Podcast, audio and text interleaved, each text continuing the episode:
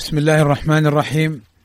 إن الحمد لله نحمده ونستعينه ونستغفره ونعوذ بالله من شرور أنفسنا ومن سيئات أعمالنا. من يهده الله فلا مضل له ومن يضلل فلا هادي له. وأشهد أن لا إله إلا الله وحده لا شريك له وأشهد أن محمدا عبده ورسوله.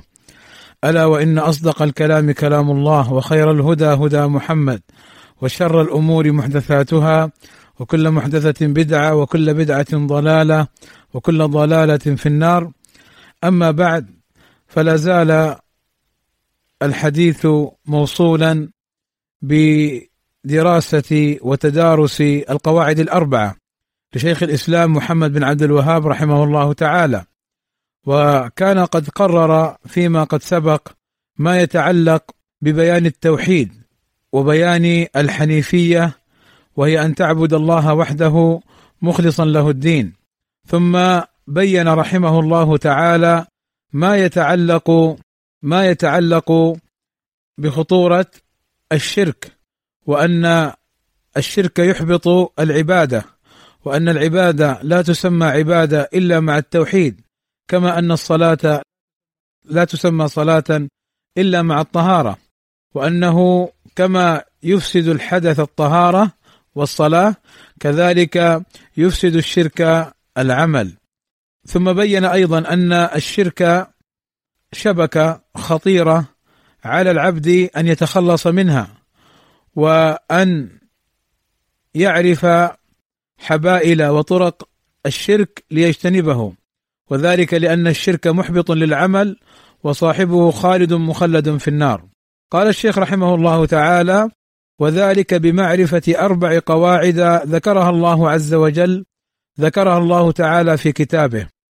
يعني رحمه الله تعالى أن التخلص من الشرك والتخلص من البدع والضلالات والتخلص من الباطل لا بد أن يكون عن طريق الوحي الشرعي.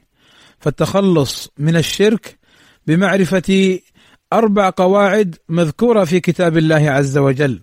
يعني أن الشيخ رحمه الله تعالى لم يأتي بها من تلقاء نفسه ولم يخترعها بل هو متبع لنصوص الكتاب والسنة وما كان عليه سلف هذه الأمة. وهذه الأربع قواعد إذا تعلمها العبد وعرفها المعرفة الصحيحة فإنه إن شاء الله ينتفع بها في التخلص من الشرك. وقوله رحمه الله تعالى بمعرفة أربع قواعد يعني أربع أصول من القرآن العظيم. قال رحمه الله تعالى القاعدة الأولى القاعدة الأولى. أن تعلم أن الكفار الذين قاتلهم رسول الله صلى الله عليه وسلم مقرون بأن الله تعالى هو الخالق المدبر وأن ذلك لم يدخلهم في الإسلام. والدليل قوله تعالى قل من يرزقكم من السماء والأرض امن يملك السمع والأبصار ومن يخرج الحي من الميت ويخرج الميت من الحي ومن يدبر الأمر فسيقولون الله فقل أفلا تتقون. هذه القاعدة الأولى التي ذكرها شيخ الإسلام محمد بن عبد الوهاب. وخلاصة هذه القاعدة أن إقرار المشركين بتوحيد الربوبية لم يدخلهم في الإسلام لأنهم لم يأتوا بتوحيد الألوهية. خلاصة هذه القاعدة أن إقرار واعتراف المشركين بتوحيد الربوبية بأن الله هو الرب هو الخالق هو الرازق لم يدخلهم في الإسلام. لماذا؟ لأنهم لم يأتوا بتوحيد الألوهية بمعنى لم يفردوا العبادة لله عز وجل قال والدليل قوله تعالى قل من يرزقكم من السماء والأرض امن يملك السمع والأبصار ومن يخرج الحي من الميت ومن يخرج الميت من الحي ومن يدبر الأمر فسيقولون الله يعني هؤلاء المشركون لو سئلوا من الذي رزقهم ومن الذي يملك السمع والأبصار؟ ومن الذي أخرج الحي من الميت؟ وأخرج الميت من الحي؟ ومن الذي يدبر الأمر؟ سيقولون الله. فهم اذا مقرون ومعترفون بأن الله عز وجل بيده هذه الأمور كلها. فاذا إذا كنتم تقرون بذلك فالواجب عليكم أن تصرفوا جميع أنواع العبادة لله. فقل أفلا تتقون؟ أي كيف تشركون بالله عز وجل الذي تقرون أنه بيده هذه الأمور كلها؟ فالواجب عليكم وتوحيد الربوبية يستلزم توحيد الألوهية لأن الخالق الرازق المدبر للأمر سبحانه وتعالى هو المستحق لأن تكون جميع العبادات مصروفة له سبحانه وتعالى. ولا يجوز صرف أي نوع من أنواع العبادات من دعاء أو ذبح أو طواف أو توكل أو غير ذلك لغير الله عز وجل. لأن صرفها لغير الله هي صرفها للمخلوق والخالق سبحانه وتعالى هو الذي يستحق جميع جميع أنواع العبادات. لذلك قال لقمان لابنه يا بني لا تشرك بالله إن الشرك لظلم عظيم. هذه القاعدة مهمة. لماذا؟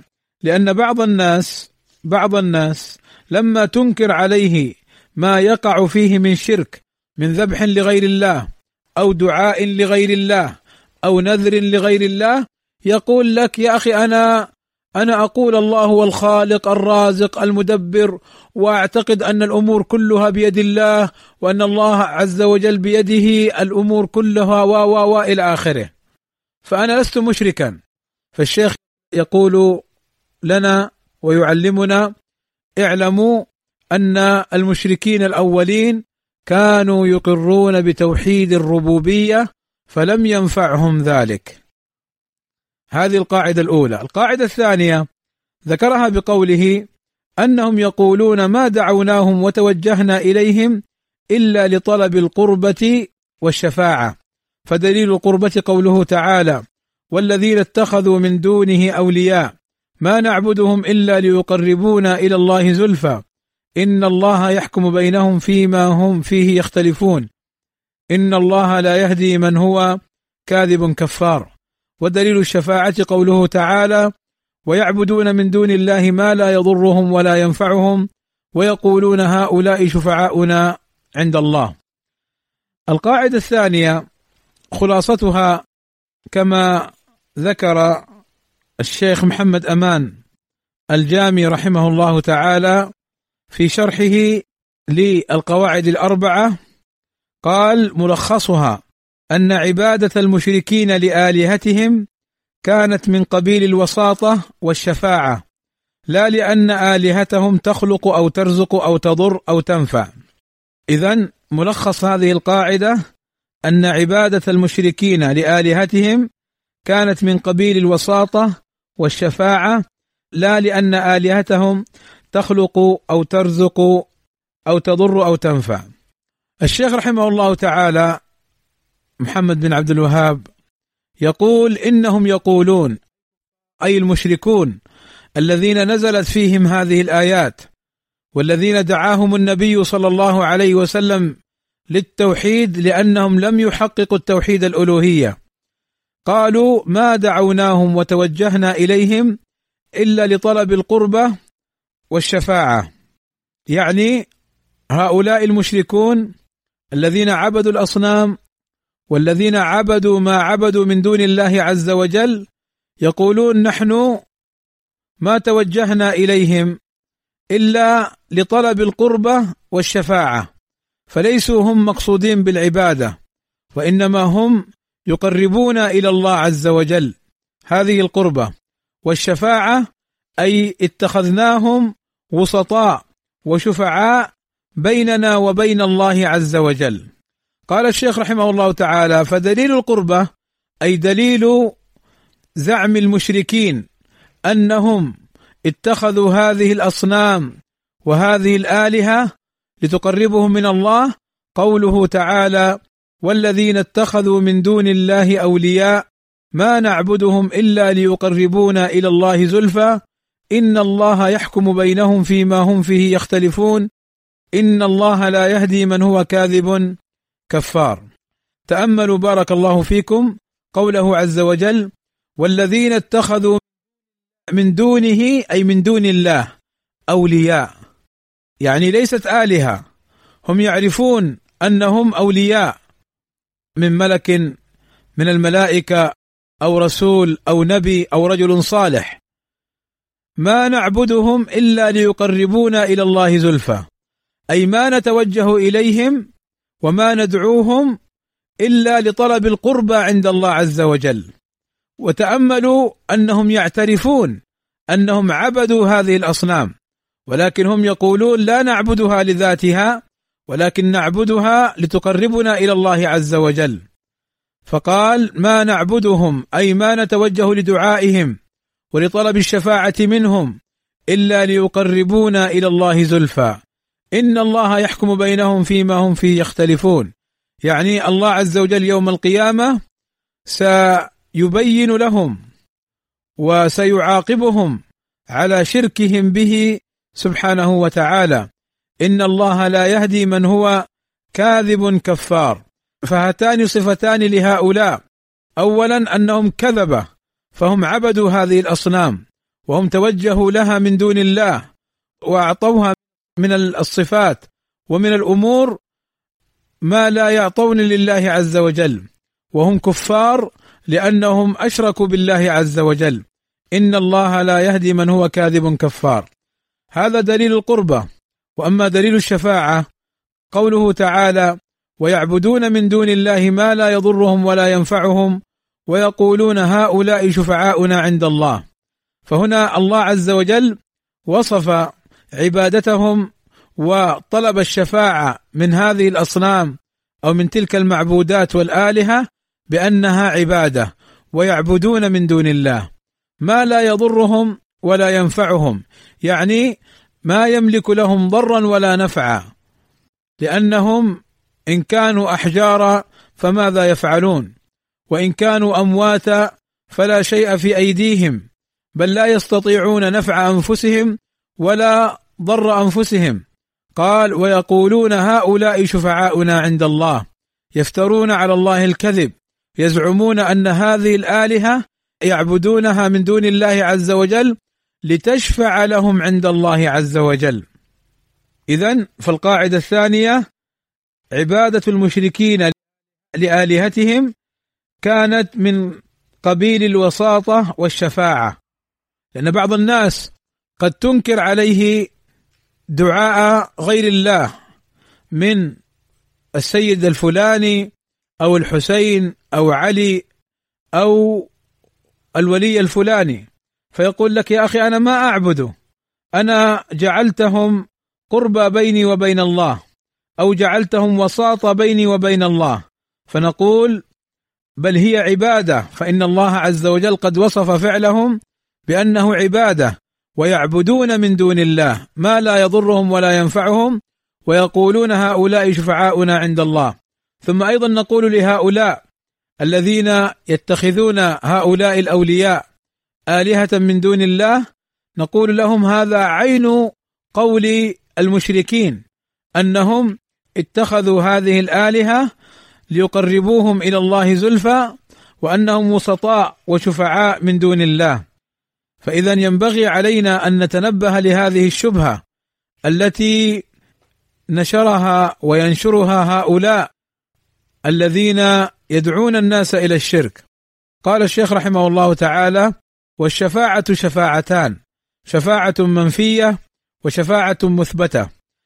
هؤلاء يزعمون أن هذه الآلهة تشفع لهم.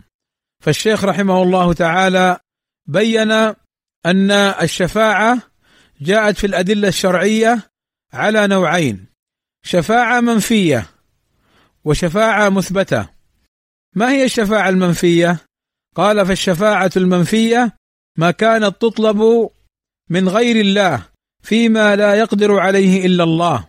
والدليل قوله تعالى يا أيها الذين آمنوا أنفقوا مما رزقناكم من قبل أن يأتي يوم لا بيع فيه ولا خلة ولا شفاعة والكافرون هم الظالمون. فنفى الله عز وجل الشفاعة في قوله ولا شفاعة. فهذه الشفاعة المنفية. وما معنى كونها منفية؟ يعني أنها غير مقبولة ولا يعمل بها بل هي باطلة والله قد نفاها ولا شفاعة. فالذين يطلبون من السيد الفلاني أو الصالح الفلاني أو الولي الفلاني أن يشفع لهم فهذه شفاعة منفية وهي التي تطلب من غير الله وإنما الشفاعة تطلب من الله عز وجل. ولذلك بينها رحمه الله تعالى بقوله والشفاعة المثبتة ومعنى المثبتة يعني الشفاعة التي جاء بها الشرع وذكرها الشرع وأنها يعمل بها ما هي الشفاعة؟ قال هي التي تطلب من الله قال والشافع مكرم بالشفاعة يعني أن الله عز وجل إذا أذن للشافع يوم القيامة أن يشفع فهذا من باب الكرامة من باب الإكرام ومن باب الإحسان والإنعام. قال والمشفوع له من رضي الله قوله وعمله بعد الإذن. كما قال تعالى من ذا الذي يشفع عنده إلا بإذنه. اذا الشفاعة المثبتة لا بد فيها من شروط. الشرط الأول أن تطلب من الله عز وجل فلا تطلب من فلان ولا فلان. إنما تطلب من الله عز وجل. الشرط الثاني الرضا عن الشافع. فإذا كان الشافع مثلا كافر أو كان الشافع منافق فإنه لا تقبل شفاعته وليس له الشفاعة فهو داخل في الشفاعة المنفية. فلا بد أن يكون الشافع ممن يكرمه الله عز وجل بالشفاعة. وهم أهل الإسلام والإيمان. وأيضا هذا الشرط الثاني والشرط الثالث الرضا عن المشفوع له بأن يكون مات على الإسلام ومات على التوحيد. فإن الكافر أو المنافق هؤلاء لا يشفع لهم لأن هؤلاء قد غضب الله عليهم. فهذه الشفاعة المثبتة التي تطلب من الله وأن يكون الشافع والمشفوع له قد رضي الله عز وجل عنهما. لذلك هؤلاء حين يزعمون أن الشفاعة تطلب من هؤلاء الأولياء إنما يزعمون باطلا من القول لأن هذه الشفاعة هي الشفاعة المنفية. قال ابن قيم الجوزيه رحمه الله تعالى لا شفاعة إلا بإذنه أي بإذن الله تعالى. ولا يأذن إلا لمن رضي قوله وعمله. ولا يرضى من القول والعمل إلا توحيده واتباع رسوله صلى الله عليه وسلم. فاذا هذه هي الشفاعة المثبتة. وأهل السنة يثبتون الشفاعة وأنها أنواع. فالشفاعة العظمى تكون للرسول صلى الله عليه وسلم. في أرض المحشر حين يذهب الناس إلى الأنبياء ثم ينتهون إلى النبي محمد صلى الله عليه وسلم فيقول أنا لها أنا لها فيذهب ويسجد فيفتح عليه من محامد الله والثناء عليه وشكره ثم يقال له ارفع رأسك واسأل تعطى واشفع تشفع. ثم شفاعة الملائكة وشفاعة الصالحين وشفاعة لبعض أهل الجنة في علو منزلتهم. إلى آخره من أنواع الشفاعات. وقد أنكر الشفاعة لأهل الكبائر أنكرها المعتزلة والخوارج لأنهم يكفرون أهل الكبائر. والصحيح أن أهل الكبائر تحت المشيئة وأن الشفاعة ثابتة لهم إن رضي الله سبحانه وتعالى بالشروط السابقة فإذا خلاصة هذه القاعدة كما سبق أن عبادة المشركين لآلهتهم كانت من قبيل الوساطة والشفاعة لا لأن آلهتهم تخلق أو ترزق أو تضر أو تنفع. القاعدة الثالثة أن النبي صلى الله عليه وسلم ظهر على أناس متفرقين في عباداتهم. منهم من يعبد الملائكة ومنهم من يعبد الأنبياء والصالحين ومنهم من يعبد الأشجار والأحجار ومنهم من يعبد الشمس والقمر. وقاتلهم رسول الله صلى الله عليه وسلم ولم يفرق بينهم. خلاصة هذه القاعدة أن كل ما عبد من دون الله أو نقول أن عبادة أي شيء من دون الله عز وجل هي شرك وكفر سواء كانت للملائكة والأنبياء والصالحين أو كانت للشجر والحجر أو الشمس والقمر أو أي شيء كان. لماذا؟ لأن بعض الناس يقول العبادة الشركية هي عبادة الأصنام. هي عبادة الشمس والقمر. وأما دعاء الأولياء ومحبتهم وإعطاؤهم بعض الصفات وصرف بعض أنواع العبادات لهم هذه لا تسمى شركا لأن الشرك لا يكون إلا للحجر والصنم والشجر ويعني الشمس والقمر. أما عبادة الأولياء أو الأنبياء أو الملائكة ودعاؤهم فهذه ليست عبادة وليست شركا فبين الشيخ رحمه الله تعالى بهذه القاعدة أن صرف أي نوع من أنواع العبادة لغير الله هي شرك سواء كان عبدا صالحا أو ملكا أو رسولا أو حجرا أو شجرا أو قمرا إلى آخره. اذا ما الدليل؟ قال النبي صلى الله عليه وسلم قاتل جميع هؤلاء فهناك من كان يعبد رجالا صالحين كاللات وهناك من كان يعبد عيسى كالنصارى وهناك من كان يعبد الشمس والقمر والحجر.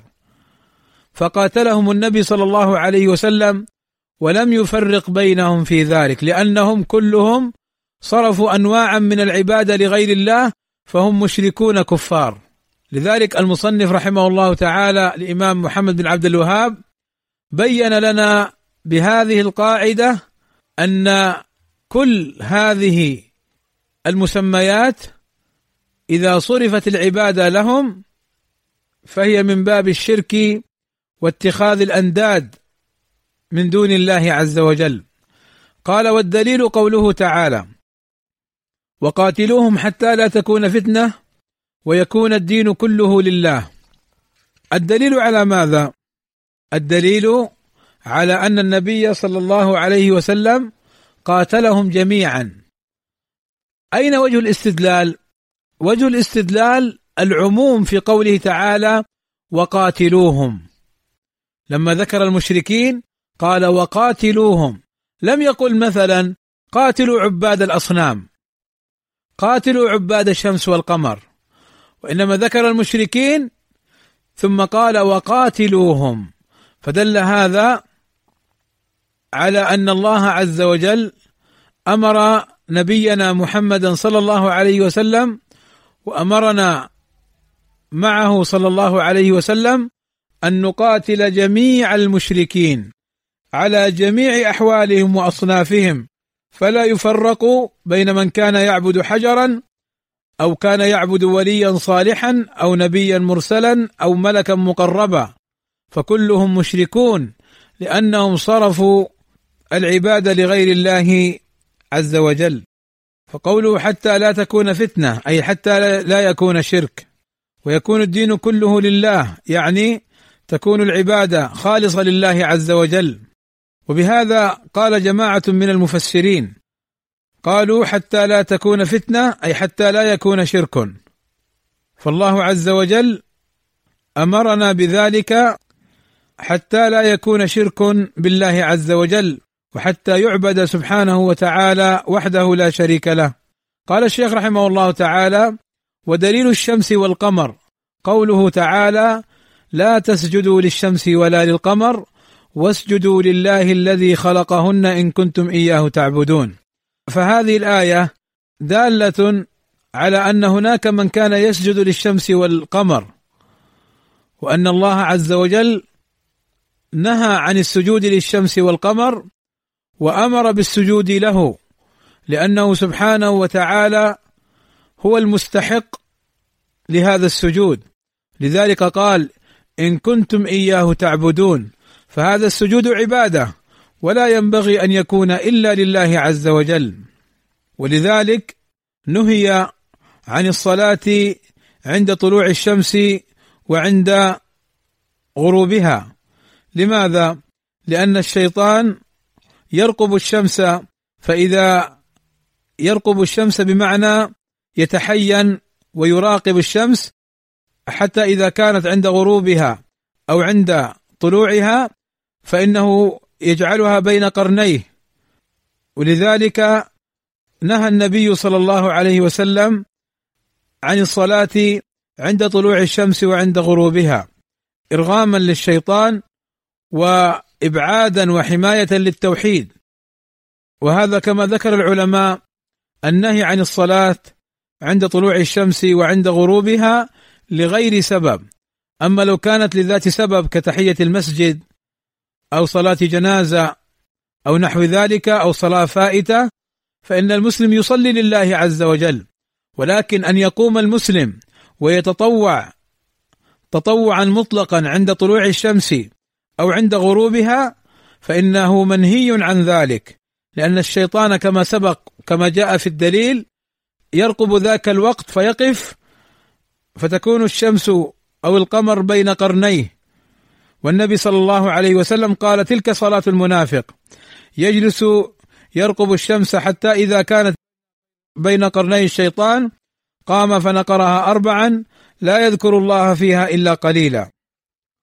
قال الشيخ رحمه الله تعالى ودليل الملائكة قوله تعالى ولا يأمركم أن تتخذوا الملائكة والنبيين اربابا ولا يأمركم أن تتخذوا الملائكة والنبيين اربابا أي معبودون من دون الله عز وجل.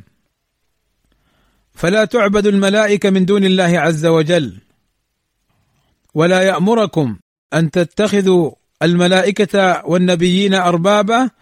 يقول الله عز وجل أيأمركم بالكفر بعد إذ أنتم مسلمون؟ فلو اتخذ أحد الملائكة اربابا فقد كفر. أيأمركم بالكفر بعد إذ أنتم مسلمون؟ فالأنبياء والرسل منزهون عن ذلك صلوات ربي وسلامه عليه. فهذا دليل على أن هناك من اتخذ الملائكة أربابا من دون الله. قال والنبيين أربابا أيضا كذلك النبيين ولكن أفردهم الشيخ رحمه الله تعالى في الدليل التالي حيث قال ودليل الأنبياء قوله تعالى وإذ قال الله يا عيسى ابن مريم أأنت قلت للناس اتخذوني وأمي إلهين من دون الله؟ قال سبحانك ما يكون لي أن أقول ما ليس لي بحق. إن كنت قلته فقد علمته. تعلم ما في نفسي ولا أعلم ما في نفسك. إنك أنت علام الغيوب. هذه الآية أيضا دالة على أن هناك من يعبد الأنبياء وأن من عبد الأنبياء فقد أشرك بالله عز وجل. فيوم القيامة يقول الله عز وجل لعيسى عليه الصلاة والسلام أأنت قلت للناس هذا السؤال ليس من باب طلب الجواب ولكن هذا من باب توبيخ المشركين والإنكار عليهم. يعني لا حجة لكم في عبادة عيسى أو عبادة مريم أو عبادة أحد من دون الله عز وجل. فعيسى عليه الصلاة والسلام لم يقل للناس اعبدوني واعبدوا أمي واتخذوني إلهين من دون الله. قال عيسى سبحانك أي أنزهك يا الله فأنت الخالق المستحق للعبادة. ما يكون لي أن أقول ما ليس لي بحق ليس لي أن أدعو الناس لعبادة غيرك فهذا ليس لي. ثم قال إن كنت قلته فقد علمته. تعلم ما في نفسي ولا أعلم ما في نفسك. إنك أنت علام الغيوب. يعني يا رب إن هذا الأمر لا يخفى عليك فأنت علام الغيوب. قال العلماء وفي الآية إثبات صفة النفس لله عز وجل كما في قوله عز وجل ويحذركم الله نفسه. فنحن نؤمن بأن لله عز وجل نفسا تليق بجلاله ليس كمثله شيء وهو السميع البصير. فاذا هذا دليل الأنبياء. ثم قال الشيخ رحمه الله ودليل الصالحين قوله تعالى أولئك الذين يدعون يبتغون إلى ربهم الوسيلة أيهم أقرب ويرجون رحمته ويخافون عذابه. معنى هذه الآية أن الأولياء والأنبياء والصالحين الذين يدعونهم المشركون من دون الله هؤلاء الأنبياء والصالحون والأولياء هم أنفسهم يبتغون إلى ربهم الوسيلة. يرغبون ويطلبون إلى الله الوسيلة والقربى أيهم أقرب؟ ويرجون رحمته ويخافون عذابه. هؤلاء الأنبياء والرسل والصالحون والأولياء فإذا كان هؤلاء الأنبياء والرسل والصالحون إذا كان هؤلاء هم أنفسهم يعبدون الله ولا يشركون به فكيف تشركونهم بالله عز وجل؟ فالله عز وجل يقول للمشركين الذين تدعونهم من دون الله يدعون الله وحده لا شريك له. فلماذا لا تكونون مثلهم؟ فتدعون الله وحده لا شريك له. ولو كان هؤلاء المدعوون من دون الله من الصالحين ونحوهم لو كان بيدهم شيء لنفعوا أنفسهم أو لنفعوا أنفسهم في قبورهم ولكن ليس بيدهم شيء. وقد انقطع عملهم بموتهم انقطع عمل الصالحين بموتهم. إلا من ثلاث كما في الحديث. فاذا هؤلاء يعبدون الله ويبتغون إليه الوسيلة ويرجون القرب إليه سبحانه وتعالى ويرجون رحمته ويخافون عذابه. ثم قال ودليل الأحجار والاشجار قوله تعالى أفرأيتم اللات والعزى ومناة الثالثة الأخرى. قال أفرأيتم اللات؟ اللات قالوا رجل صالح كان بالطائف كان يلت السويق للحجاج. فعبد من دون الله عز وجل لما مات. والعزى شجرة كانت تحل بها جنية تكلم الناس وكانوا يطوفون حولها ويذبحون لها. وهي التي قال فيها بعض المشركين حينها والعزى لنا ولا عزة لكم.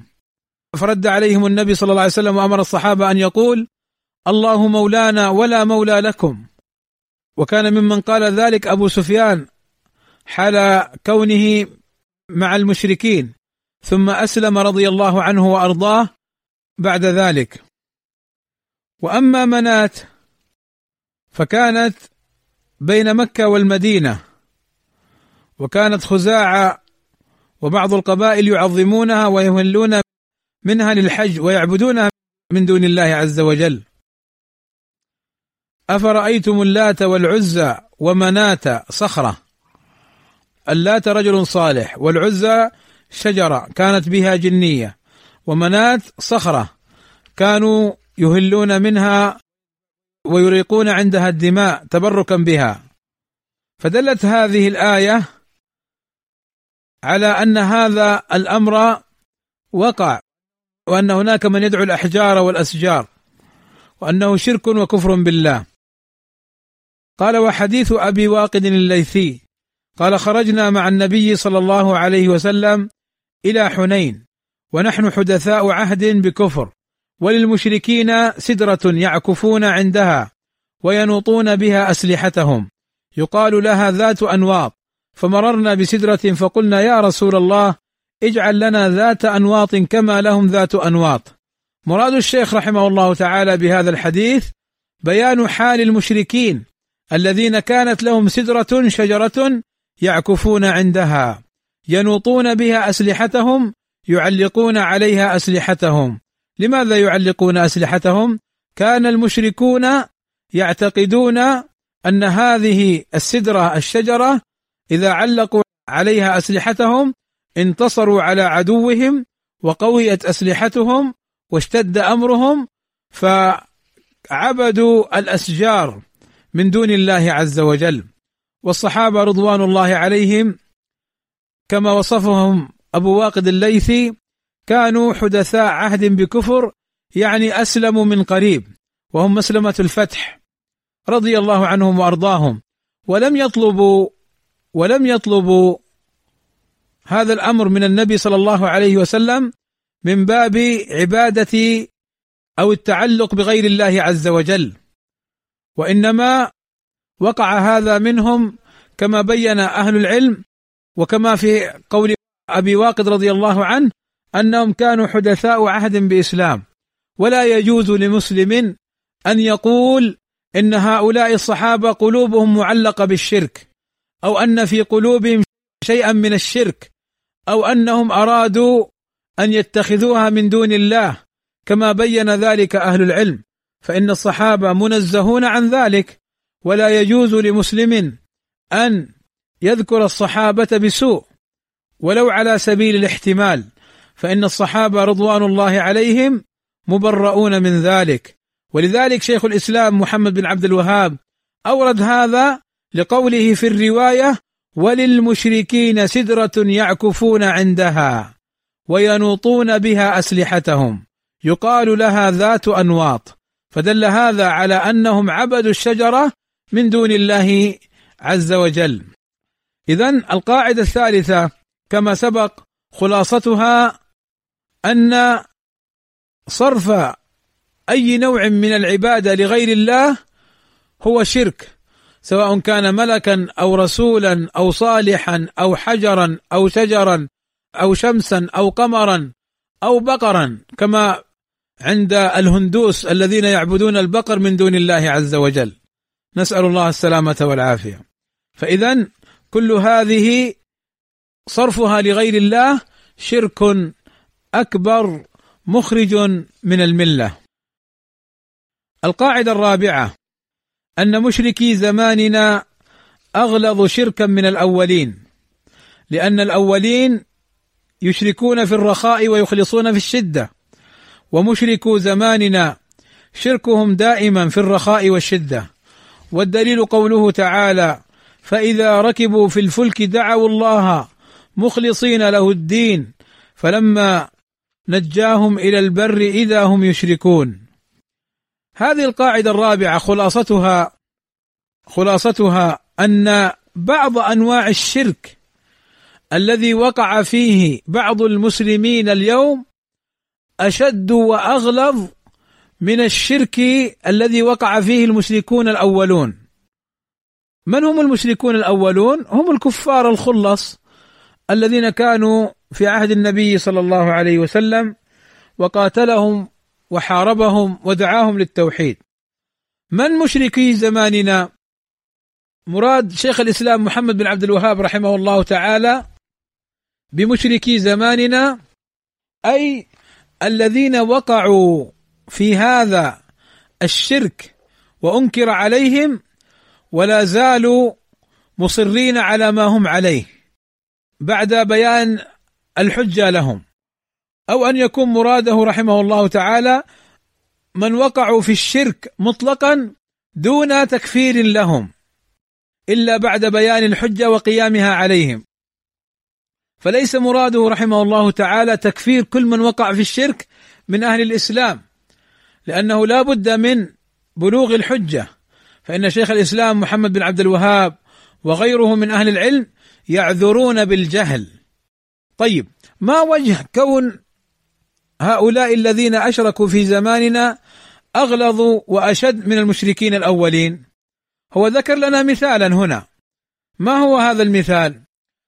المشركون الأولون الذين ظهر عليهم النبي صلى الله عليه وسلم ودعاهم إلى التوحيد ولم يؤمنوا ولم يسلموا كان حالهم في السراء يعني في حالة الأمن والاطمئنان كانوا يشركون بالله ولكن كان المشركون إذا ركبوا في الباخرة في السفن في الفلك ودخلوا في البحر وأصابتهم المصيبة بأن ماجت الأمواج وارتفعت وقرب هلاكهم ماذا يفعلون؟ ينسون أصنامهم وينسون معبوداتهم من دون الله عز وجل. ماذا يفعلون؟ يدعون الله. ما صفة دعاءهم؟ مخلصين له الدين. يعني تتعلق قلوبهم بالله بالكلية. ولا تلتفت ابدا لتلك الأصنام التي طافوا حولها وذبحوا لها ونذروا لها وسجدوا لها وعكفوا عندها. لا يلتفتوا لها في حالة الضراء في حالة المصيبة. فهم في السراء يشركون وفي الضراء يخلصون. هؤلاء المشركون الأولون. أما المشركون اليوم ممن هو من أهل الإسلام فإنهم إذا ركبوا في السفن وأصابتهم المصيبة لا يقولون يا الله وإنما يقولون يا حسين يا سيد البحر يا فلان أغثنا أنقذنا. فهم يشركون في السراء والضراء. فهم من هذه الحيثية أشد شركا من المشركين الأولين. وأيضا المشركون الأولون كما ذكر الله عز وجل عنهم في الآية التي ذكرها الشيخ رحمه الله تعالى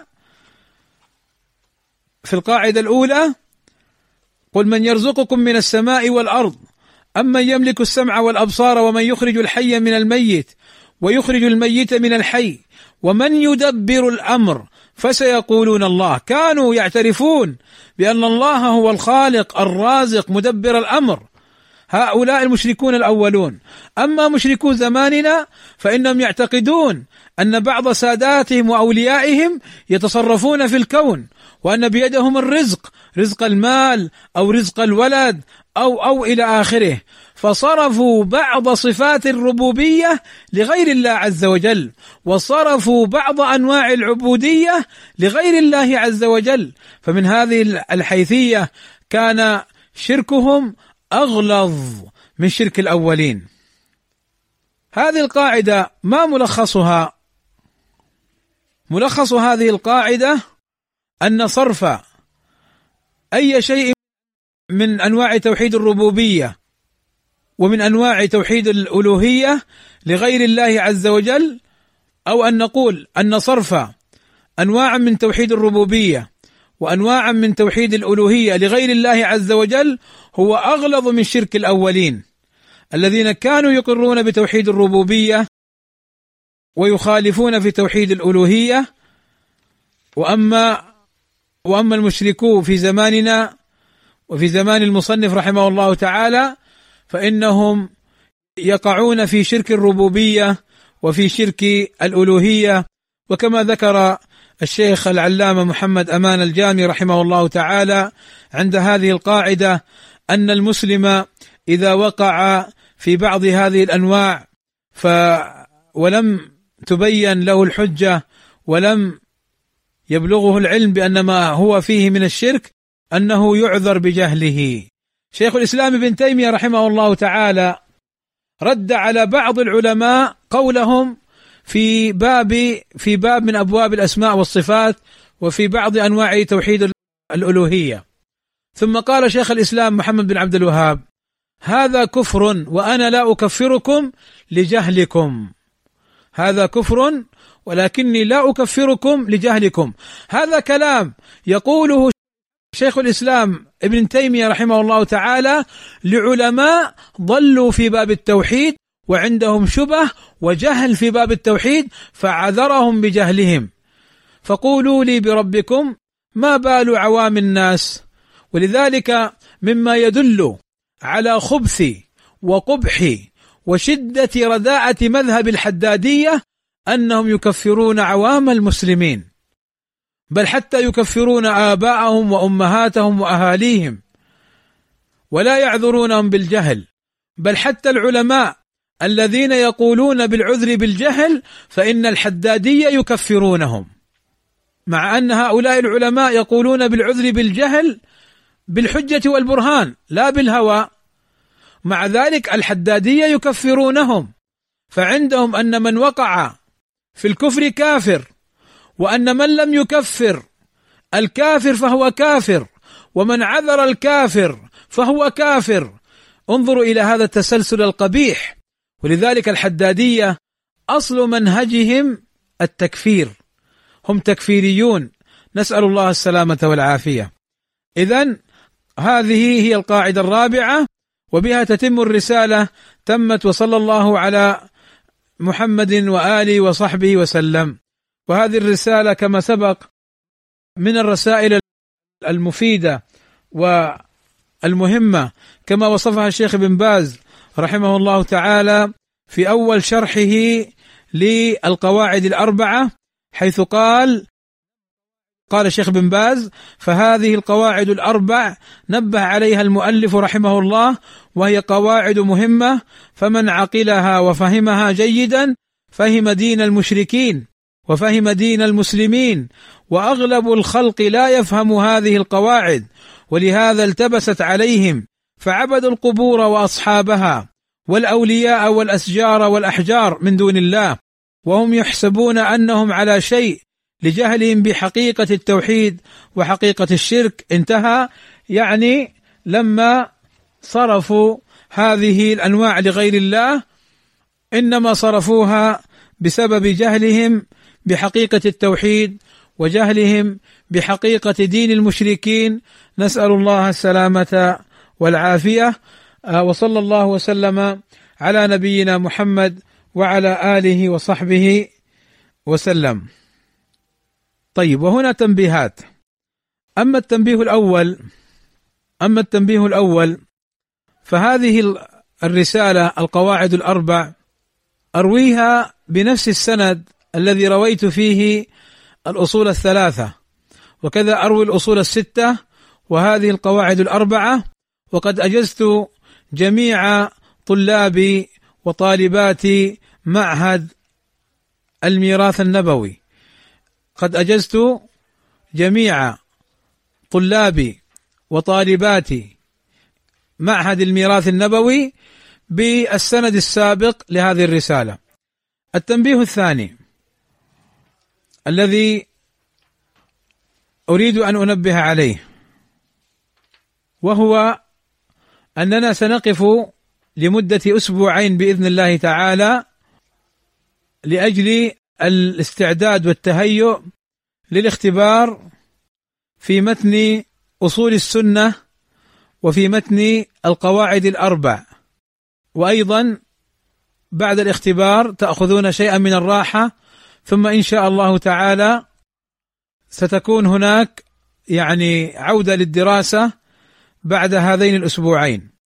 فآمل من الجميع أن يدرسوا أصول السنة وقواعد الأربعة ويفهموها فهما جيدا وأن يستعدوا للاختبار. التنبيه الثالث الذي أود أن أنبه عليه قد تكون إن شاء الله هناك محاضرة أو محاضرتين. وقد تكلمت تكلمت مع شيخنا محمد ابن عمر بازمول جزاه الله خيرا. وطلبت منه أن يشارك معنا بمحاضرة في معهد الميراث النبوي. فرضي ووافق جزاه الله خيرا. وسر بذلك ودعا لنا جميعا بالتوفيق. جزاه الله خيرا. فإن شاء الله ستكون هناك محاضرة بعد الاختبار بعد أن تختبروا في المتنين أصول السنة والقواعد الأربعة مع حفظ المتنين. هذا أيضا أمر مهم. أن تحفظوا المتنين وسيكون هناك الاختبار في هذا المحفوظ. ولكن بعد الاختبار ستكون إن شاء الله محاضرة أو محاضرتين منها للشيخ محمد ابن عمر بازمول. كلمته في ذلك ووافق ورضي جزاه الله خيرا ودعا لنا جميعا بالتوفيق والسداد ويعني مواصلة مدارسة العلم ومذاكرته. وقال أنتم بفضل الله عز وجل في معهد الميراث النبوي في خير وفي آه يعني تدارس للعلم. وهذا إن شاء الله آه أمر آه تؤجرون عليه عند الله عز وجل.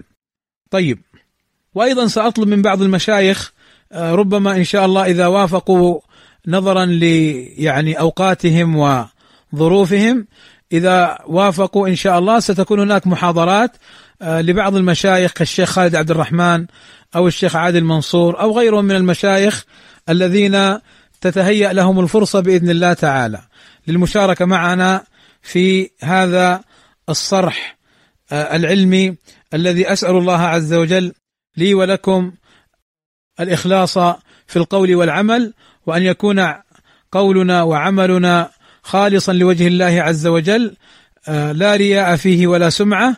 ونسأله سبحانه وتعالى أن يحفظنا من الفتن ما ظهر منها وما بطن. هذا سؤال يقول وأختم به الكلام. هذا سؤال يقول شيخنا حفظكم الله لا شك أنكم تعرفون الحمله الشرسة على العلامة ربيع المدخلي من طرف الحدادية بتعاون مع الإخوان والحلبية ومن هم على شاكلتهم. ولا يخفاكم ما يقومون به في ليبيا خاصة من رفع لافتات للتحريض على الربيع والطعن فيه. فنريد منكم شيخنا كلمة حق في هذا العالم الجليل يقطع ألسنة المغرضين وتشفي قلوب أبنائك السلفيين خاصة وعامة الناس الذين يسعى هؤلاء المغرضون لتصوير الربيع لهم في صورة غير مرضية. طيب هذا السؤال بارك الله فيكم يعني جوابه من وجوه عدة. أما الوجه الأول فهو لا عطر بعد عروس. فالعلماء الكبار ابن باز ابن عثيمين الألباني النجمي الشيخ زيد رحمة الله عليهم جميعا كلهم يثني على الشيخ ربيع وعلى منهجه وعلى دعوته وأنها دعوة سلفية قوية بل والأحياء أيضا العلامة صالح الحيدان والعلامة صالح الفوزان والعلامة والشيخ العلامة حسن البنا وغيرهم وغيرهم. الشيخ العلامة عبيد الجابري أيضا يثنون على الشيخ ربيع. الأحياء الذين هم معه الآن هم يثنون على الشيخ ربيع ويدافعون عنه. فإذا كان هؤلاء العلماء وهم الذين رضي الله عز وجل وذكر الله شهادتهم له بالوحدانية إذا كان هؤلاء العلماء يثنون على الربيع فمن يتكلم فيه لا شك أنه من السفهاء من الضلال من المنحرفين. الوجه الثاني الذي أقوله ليس لي أن أدافع عن الشيخ ربيع فالشيخ ربيع حفظه الله تعالى إمام في هذا العلم وفي هذا الدين ويعني ثبت الله عز وجل به المنهج ثبت الله به المنهج. و وثبت الله عز وجل به الحق في هذا العصر فهو كالجبل في وجه الحدادية وفي وجه المميعة وفي وجه الروافض وفي وجه الليبرالية وفي وجه دعاة السفور وفي وجه كل طائفة أو نحلة أرادت أن تطعن في هذا الدين في هذا العصر فإن الشيخ ربيع المدخلي حفظه الله تعالى وقف في وجهها كالجبل ورد باطلهم ودكه دكا. جزاه الله خيرا. الوجه الثالث انظروا إلى كتبه وإلى دروسه وإلى محاضراته. كلها في تقرير التوحيد والدعوة إلى التوحيد وإلى الدعوة إلى منهج السلف الصالح ومحاربة الشرك ومحاربة البدع والضلالات. ماذا تريدون؟ أي أكثر من هذا؟ فالإمام ربيع المدخلي حفظه الله تعالى هو جبل شامخ في وجه أعاصير الفتن بفضل الله عز وجل. وهؤلاء الذين يطعنون في الربيع هم حالهم كما قال أهل العلم. هم حالهم كما قال أهل العلم. إن المفلسين والجهال والمغرضين إن لم يجدوا حججا وما استطاعوا أن يردوا الحق قاموا بالسب والشتم والطعن في دعاة الحق. فهم لا يوجد عندهم أي حجة. نحن نطالبهم. أنتم تطعنون في الإمام ربيع المدخلي. أعطونا طعنا واحدا. الشيخ حفظه الله تعالى كما يقول الشيخ الألباني عن الشيخ ربيع حفظه الله تعالى أنني لا أعلم له خطأ في العقيدة ولا في المنهج وأثنى عليه وأنه حامل راية الجرح والتعديل. فهو حفظه الله تعالى حامل راية الجرح والتعديل. وهو بحق إمام في هذا العصر فهو باب وسد منيع بإذن الله تعالى في وجه أهل الفتن. والله كم من فتنة أريدت بالمنهج السلفي وكم من فتنة سعى إليها المغرضون لتفريق السلفيين وللطعن في المنهج السلفي. فوقف شيخنا الإمام ربيع المدخلي حفظه الله تعالى في وجهها كالجبل الشامخ الأشم وأخمدها بفضل الله عز وجل. فجزاه الله خيرا. فهؤلاء الحدادية نسأل الله أن يهديهم إلى الحق أو أن يقطع دابرهم ويكفي السلفيين شرهم إن لم يريدوا الحق. فهؤلاء الحدادية وهؤلاء المميعة لا حجة عندهم ابدا. كلها أكاذيب وافتراءات وقلب للحقائق وإتيان بالباطل وجعله في صورة الحق. وإتيان بالحق وجعله في صورة الباطل. والشيخ حفظه الله تعالى وقد بلغ من العمر جاوز الثمانين. نسأل الله أن يشده بالصحة والعافية وأن يحفظه في علمه وعمله وماله وولده. وهو لا زال يكتب ويرد على هؤلاء المنحرفين من حدادية أو مميعة أو تكفيريين فجزاه الله خيرا. والله لو أردت أن أسرد مناقب ويعني أعمال الشيخ الإمام ربيع المدخلي حفظه الله تعالى والله لم تكفيني الساعات. فالشيخ حفظه الله تعالى صاحب دعوة سلفية قوية وصاحب علم جم كبير بفضل الله عز وجل وصاحب قلم في الرد على أهل البدع والضلال.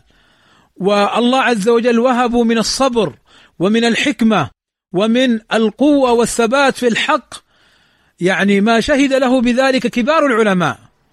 وأيضا لعلي أختم بكلمة لشيخنا محمد ابن عمر بازمول في الثناء على الشيخ ربيع حفظه الله تعالى وهي كلمة حق وهي كلمة حق حيث يقول الشيخ محمد بن عمر بازمول يقول الشيخ ربيع في نظري والله أعلم مجدد باب الرد على أهل البدع والفرق في هذا القرن.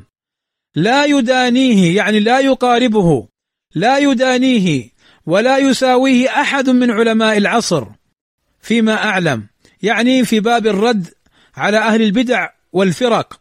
قال ويكفيه فضلا ونبلا. موقفه من سيد قطب والإخوان. فكيف إذا ذكرت موقفه من دعاة الصحوة؟ وموقفه من الحدادية؟ وموقفه من غيرهم؟ أمد الله عمره بصحة وعافية وأحسن ختامنا وختامه على خير. قال هذا شيخي فليفخر امرؤ بشيخه. انتهى كلامه. جزاه الله خيرا. وهو كلام واضح جدا في إمامة هذا الإمام الشيخ الإمام العلامة ربيع ابن هادي عمير المدخلي. شيخنا حفظه الله تعالى في آه، في علمه وعمله وولده وماله وجزاه الله خيرا عن الإسلام والمسلمين وعن المنهج السلفي. ما قام به من جهود جبارة. ونسأل الله عز وجل أن يتقبلها منه وأن يتقبله في الصالحين وأن يختم له بذلك. فإنه جزاه الله خيرا من أكثر العلماء بذلا لوقته وجهده وماله في سبيل الله عز وجل وفي سبيل نصرة الحق ونصرة المنهج السلفي. فجزاه الله عنا وعن الإسلام والمسلمين خير الجزاء. وصلى الله وسلم على نبينا محمد وعلى آله وصحبه أجمعين.